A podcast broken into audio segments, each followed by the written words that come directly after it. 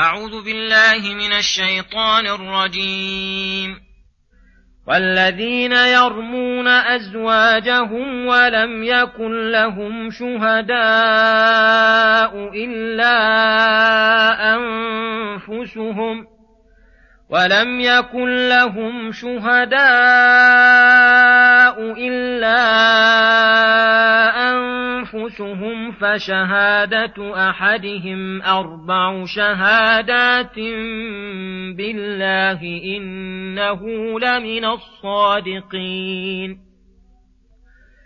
والخامسة أن لعنة الله عليه إن كان من الكاذبين. ويدرأ عنها العذاب أن تشهد أربع شهادات بالله إنه لمن الكاذبين. والخامسة أن غضب الله عليها إن كان من الصادقين. ولولا فضل الله عليكم ورحمته وأن الله تواب حكيم. إن الذين جاءوا بالإفك عصبة منكم لا تحسبوه شرا لكم بل هو خير لكم لكل امرئ منهم ما اكتسب من الإثم والذي تولى كبره منهم له عذاب عظيم. بسم الله الرحمن الرحيم. السلام عليكم ورحمة الله وبركاته. يقول الله سبحانه والذين يرمون أزواجهم ولم يكن لهم شهداء إلا أنفسهم. الآيات. وانما كانت شهادة الزوج على زوجته دارئة عنه الحد لأن الغالب أن الزوج لا يقدم على رمي زوجته التي يدنسه ما يدنسها إلا إذا كان صادقا. ولأن له في ذلك حقا وخوفا من إلحاق أولاد ليسوا منه به ولغير ذلك من الحكم المفقودة في غيره فقال والذين يرمون أزواجهم أي الحرائر لا المملوكات. ولم يكن لهم على رميهم بذلك شهداء إلا أنفسهم. بأن لم يقيموا شهداء على ما رموهن به فشهادة أحدهم أربع شهادات بالله إنه لمن الصادقين. سماها شهادة لأنها نائبة مناب الشهود بأن يقول أشهد بالله إني لمن الصادقين فيما رميتها به.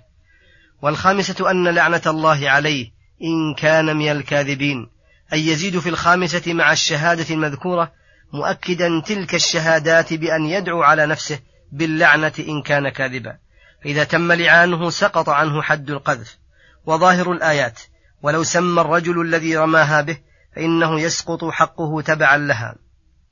وهل يقام عليه الحد بمجرد لعان الرجل؟ ونكولها أم تحبس؟ فيه قولان للعلماء. الذي يدل عليه الدليل أنه يقام عليها الحد بدليل قوله ويدرأ عنها العذاب أن تشهد إلى آخره. فلولا أن العذاب وهو الحد قد وجب بلعانه لم يكن لعانها دارئا له ويدرأ عنها أي يدفع عنها العذاب إذا قابلت شهادات الزوج بشهادات من جنسها. أن تشهد أربع شهادات بالله إنه لمن الكاذبين. وتزيد في الخامسة مؤكدة لذلك أن تدعو على نفسها بالغضب. فإذا تم اللعان بينهما فرق بينهما إلى الأبد وانتفى الولد الملاعن عنه.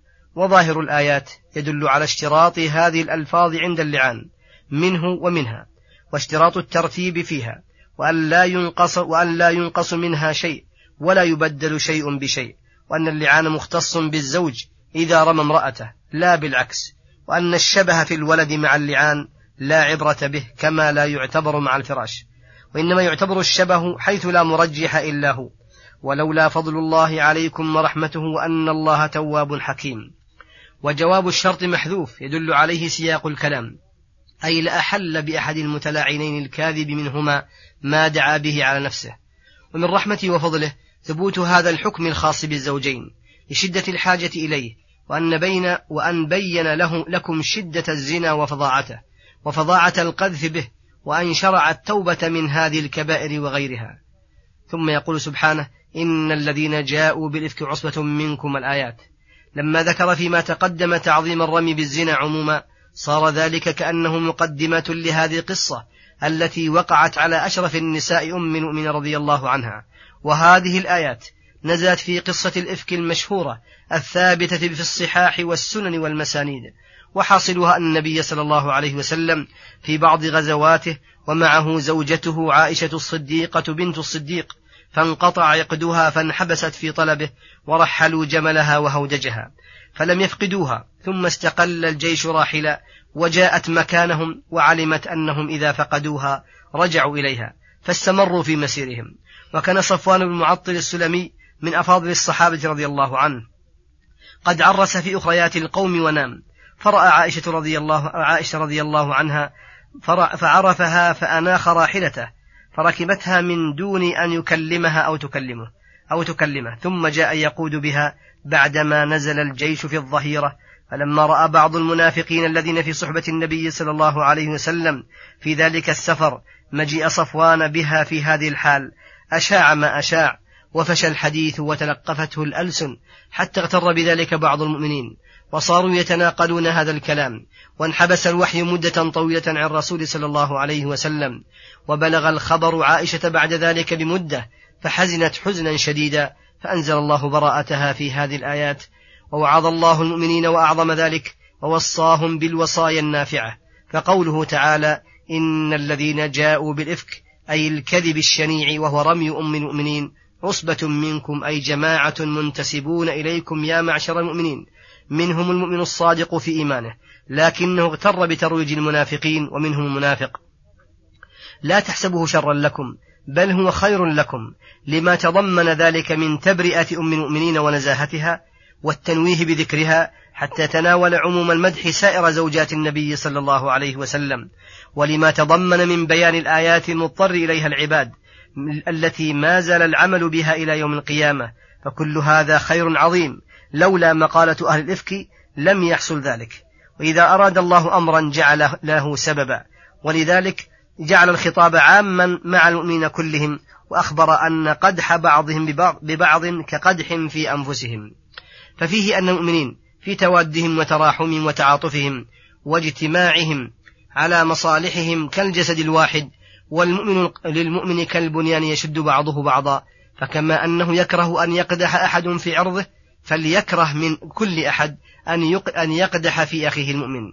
الذي بمنزلة نفسه وما لم يصل العبد إلى هذه الحالة فإنه من نقص إيمانه وعدم نصحه. لكل امرئ منهم ما اكتسب من إثم وهذا وعيد للذين جاءوا بالإفك وأنهم سيعاقبون على ما قالوا من ذلك. وقد حد النبي صلى الله عليه وسلم منهم جماعة. والذي تولى كبره أي معظم الإفك وهو المنافق الخبيث عبد الله بن أبي بن سلول لعنه الله. له عذاب عظيم ألا وهو الخلود في الدرك الأسفل من النار. ثم أرشد الله عباده عند سماع مثل هذا الكلام فقال لولا إذ سمعتموه ظن المؤمنون والمؤمنات بأنفسهم خيرا. وصلى الله وسلم على نبينا محمد وعلى آله وصحبه أجمعين. وإلى الحلقة القادمة غدا إن شاء الله. والسلام عليكم ورحمة الله وبركاته.